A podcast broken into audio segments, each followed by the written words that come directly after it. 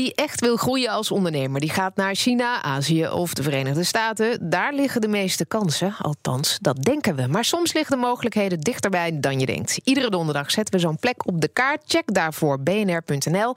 En dat doen we samen met Frans Nedersticht van de RVO, de Rijksdienst voor Ondernemend Nederland. In opdracht van het ministerie van Buitenlandse Zaken struinen zij het buitenland af voor ondernemers. Goedemorgen, Frans. Goedemorgen. Goed dat je er weer bent. Deze week gaan we het hebben over de superjachtindustrie in Italië. Wat dacht je? Het is lekker weer, we moeten het water op. Ja, klopt. Zet je zonnebril maar op, want uh, de, uh, we gaan een beetje varen. Uh, superjachtindustrie in Italië zit eigenlijk aan twee kanten. Aan de westkust en, en de oostkust in Italië een beetje. Maar we focussen vandaag een beetje op de regio Viareggio. En dat is ongeveer 60, 70 kilometer ten zuiden van Genua. En waarom juist daar? Nou, de, de, de Italiaanse uh, jachtbouwindustrie zegt uh, Ita Italië is een marktleider op het, uh, op het gebied van dit soort jachten. En ten tweede, waar, wat nou interessant is, dus voor Nederlandse ondernemers, want we bouwen in Nederland natuurlijk ook enorm veel van die prachtige mooie jachten, is met name de inrichting. Hè. Dus dan heb je het over opklapbare loopplanken, kranen, passerelles, deuren, luiken. Wat zijn passerellen? Dat zijn bruggen om ja, loop bruggen okay. eigenlijk. Mm -hmm. Die je dan uitrolt uh, de kant op. Dus dat soort dingen. Er zijn Nederlandse bedrijven heel erg goed in. Die leveren ze ook voor Nederlandse jachtbouwers. Maar dat kan natuurlijk ook in Italië. Maar ik dacht dat Italianen juist heel goed zijn in het chic aankleden van mensen. Dus ook misschien van jachten. Oh ja, maar, maar echt de Nederlandse bedrijven die voor de interieur zorgen en dat soort dingen. Uh, Kuiper is een mooi voorbeeld. Een Nederlandse uh, ja, panelenbouwer eigenlijk. Hè, voor de afwerking van de binnenkant. Het ziet er echt fantastisch uit. Zijn die bedrijven al actief daar? Ja, je hebt uh, Kuiper heb je inderdaad. Die, die, die zit daar al, of die doet daar al zaken. En je hebt nog Hydromar, die maakt hydraulische systemen. Dus het gaat vooral om de, de kansen voor Nederlandse bedrijven die echt in die, in die toeleveringsindustrie zitten.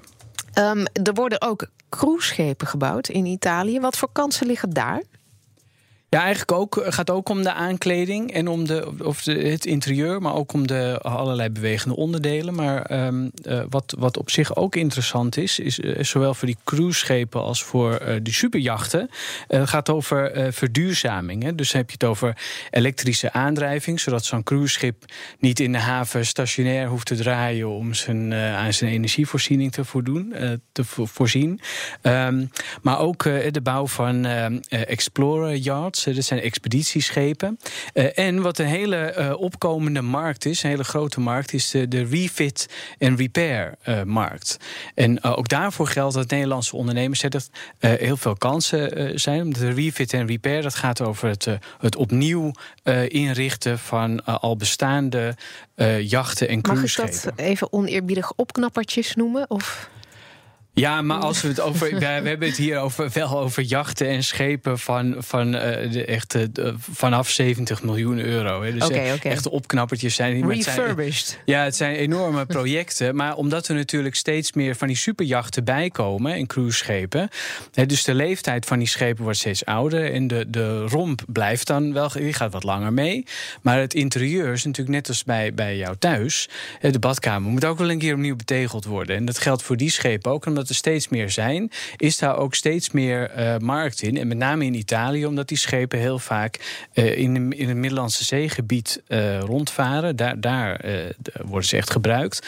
En die Italiaanse jachtwerven en die scheepswerven, die hebben daar speciale refit en repair afdelingen ook ja. voor. Hoe kun je jezelf als Nederlandse ondernemer, stel je begeeft je op die markt, of je, je, bent hier al actief op die markt, hoe kun je je onder de aandacht brengen bij die Italiaanse bouwers van die cruiseschepen en die jachten. Ja, we hebben natuurlijk als Rijksdienst voor Ondernemen Nederland uh, uiteraard contact met, uh, met onze posten in uh, de ambassade in, in Rome of het consulaat in Milaan. Er is onlangs ook een marktrapport geschreven in maart. Er staat bij ons op de website over kansen in die, in die jachtsector.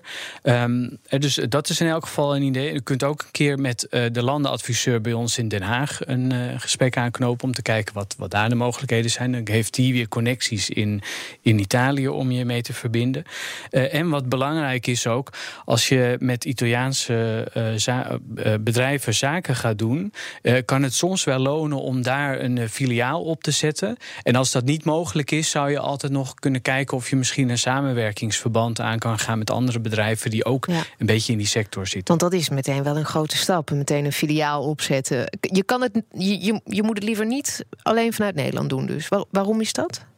Nou, de Italianen, het gaat vaak om relatie, maar het gaat vaak, je, je ziet in die, in die regio's, hè, in Via Reggio, zie je ook uh, een heleboel van die haventjes. Of zichtbaarheid is misschien wel. zichtbaarheid. Maar dat gaat, die, zitten, die zitten bij elkaar, die, die toeleveringsbedrijven, die zitten dicht op elkaar. Uh, het zijn korte lijntjes en dat, dat, dat levert wel extra meerwaarde op. Uh, jij zei net, we hebben een heel mooi marktrapport daarover, wat we mensen kunnen raadplegen. Maar wat we natuurlijk ook hebben gehad, dat zijn de Italiaanse verkiezingen. Nou, die liggen al een tijd tijdje achter ons, maar we hebben net een nieuwe regering. Zitten daar uh, uh, nog bedreigingen voor Nederlandse ondernemers die, die die kant op gaan? Nou, ik denk het niet. Ondernemers, uh, ondernemers die kiezen vaak gewoon hun eigen pad. En uh, dus als Italiaanse, als Nederlandse ondernemers, Italiaanse superjachtbouwers ervoor kunnen overtuigen dat Nederland hun product echt het beste is voor die, uh, voor die cruiseschepen of voor die superjachten, uh, dan, dan ben ik ervan overtuigd dat dat, dat dat echt van een doorslaggevend belang is. Weet je al waar we de volgende week heen gaan? Nou, dat is, dat is heel leuk. Want, ja, eigenlijk niet, want volgende week ben ik hier voor het laatst. En uh, ja, de, deze serie eindigt volgende week. Zijn er geen parels meer? Is en, Europa nou ja, echt, er zijn nog zat parels te bedenken natuurlijk. Maar um, ik ben hier volgende week voorlopig voor het laatst. Nou, moet je wel met een hele mooie parel komen. Ja, ik, ik ga iets uh, bijzonders bedenken. En uh, ik neem waarschijnlijk ook nog even iemand mee die daar, uh, die daar ook wat meer over kan vertellen. Okay. Dus ik hou het nog het even blijft spannend. een verrassing. Dankjewel, Frans Nedersticht van de Rijksdienst voor Ondernemend Nederland dat daar forse groei achter zit. Ik heb daar heel even wat research op gedaan. Dat zit bij Atjen eigenlijk wel, wel goed. Uh, een aantal vooraan uh, uit, uh, vooraan na, voorname klanten. Um, zoals Netflix, zoals ja. Uber, zoals Spotify. Maar ook bijvoorbeeld een eBay. Die, waarmee ze hebben aangekondigd begin dit jaar... dat ze meer van PayPal weggaan en meer met Atjen willen gaan doen. En eigenlijk wereldwijd alle betalingen in 2021 via Atjen willen lopen. Dus er zit nog een enorm groeitraject achter. Ja, en dat zijn dus wel echt aansprekende klanten. Uh, die ook in de business zitten waar je in wil zitten. Betalingen en online, dat is toch hot, ook in de beleggerswereld. Dus de verwachting is dat, uh, dat dit wel een succesvolle beursgang gaat worden. missing out. FOMO. Ja, daar komt het eigenlijk wel op neer. Ja. Dus ik denk ook wel, en zeker als je ziet dat een klein gedeelte van het bedrijf naar de beurs wordt gebracht, dat dit nog wel eens een behoorlijke succesvolle beursgang kan worden. Gegeven het feit natuurlijk dat we niet ineens tussentijds uh, ruis op de lijn krijgen door een crash of iets dergelijks. Maar daar gaan we volgens nog even niet van uit. Ik hoorde eerder vandaag op BNR ook Corné van Zel over deze beursgang. En die vroeg zich af, zonder het antwoord te geven, wat het nou is dat Artjen zo aantrekkelijk maakt voor die grote bedrijven? Nou ja, ik denk één, het is onafhankelijk. dus het is niet gelieerd aan een andere grote geen partij. Geen Alibaba, geen Google. Precies. Uh, twee, wat je vaak ziet is dat er enorme netwerk, uh, lock-in effecten zitten in dit soort bedrijven. Je, je stopt ook niet zomaar met zo'n vorm van dienstverlening. Dus alles wat groeit uh, krimpt ook niet zo snel weer. Um, en nogmaals, het zit in de sectoren die je graag wil zien, online en betalingen. En dat groeit en dat groeit en dat groeit. Dus wat dat betreft maakt het een zeer interessant bedrijf. Maar nogmaals, we moeten echt wel even afwachten totdat de daadwerkelijke uh, marketing gaat beginnen. Dat we kunnen zien wat voor cijfers we het precies over hebben. Nog een keer de 10 miljard, want het geadministreerd vermogen. We ja. zitten wel in de woorden hoor. Stand van Bink Bank Professional Services is door de grens van de 10 miljard euro gegaan. Ja. Wat zegt dat over dit onderdeel van Bink Bank? Nou ja, dat onder andere wij het heel erg goed doen. Wij dragen daar een groot deel aan bij. Nee, wij zijn klant van Bink in die zin. Dat betekent dat wij als zelfstandig vermogensbeheerder onder andere onze klanten ook bij Bink Bank onderbrengen. En wij dan het mandaat hebben namens onze cliënten om dat te beheren. Dus dat geld staat of vermogen staat bij Bink Bank. En je ziet hier met name in dat uh, de uh, zelfstandig vermogensbeheerder groter begint te worden in Nederland. Zeg maar de hele subgroep. Je hebt natuurlijk in Nederland een speelveld waarin met name de grootbanken het, uh, het ja, belegd vermogen uh, van, van veel klanten uh, onder hun beheer hebben. Dat is nog steeds meer dan 80 procent. Sommigen zeggen zelfs meer dan 90 procent. Maar dat is wel aan verandering onderhevig. En dat blijkt onder andere door deze cijfers van Bing Bank Professional Services. Die dus uh, ja, meer en meer vermogen onder administratie hebben. En de verwachting is dat de groei ook nog wel even ja. door zal zetten. Geef je nou hiermee ook jezelf eigenlijk verkapt een compliment? Of niet? Ja, nee, moet, moet ik oppassen dat ik inderdaad niet voor eigen parochie ga preken. Maar ehm, ik denk wel dat er, dat wordt al jarenlang gezegd, dat er meer ruimte is voor zelfstandig vermogensbeheerders in Nederland ten opzichte van de grootbanken.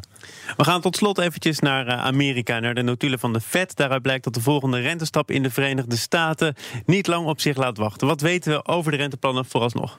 Nou ja, waarschijnlijk dat we in juni weer met een kwartje omhoog gaan. Daar komt het eigenlijk nu op neer. Dat, eh, dat verwachten de, de analisten ook. Meer dan 90% van de analisten zegt, nou, we gaan in juni gewoon weer een kwartje erbij krijgen. En dat geeft eigenlijk aan dat de Fed op dat pad van verhogingen gewoon doorgaat. Ondanks dat de inflatie nog steeds eh, ja, niet echt, echt substantieel doorzet. We zien natuurlijk wel speldenprikjes. Uh, in Amerika gaat het iets beter dan in, uh, dan in Europa. maar nogmaals, de Fed heeft zich, ja, voelt zich sterk genoeg. En hoe kan het ook anders bij een werkloosheid die onder de 4% ligt en een enorme ja, economische groei, dat je ook op een gegeven moment gewoon echt de rente structureel verder gaat ophogen. Het gaat eigenlijk allemaal volgens verwachting. Ja, conform verwachting. Okay. Absoluut. Dankjewel, Stan Westerterp van JVB Vermogensbeheer.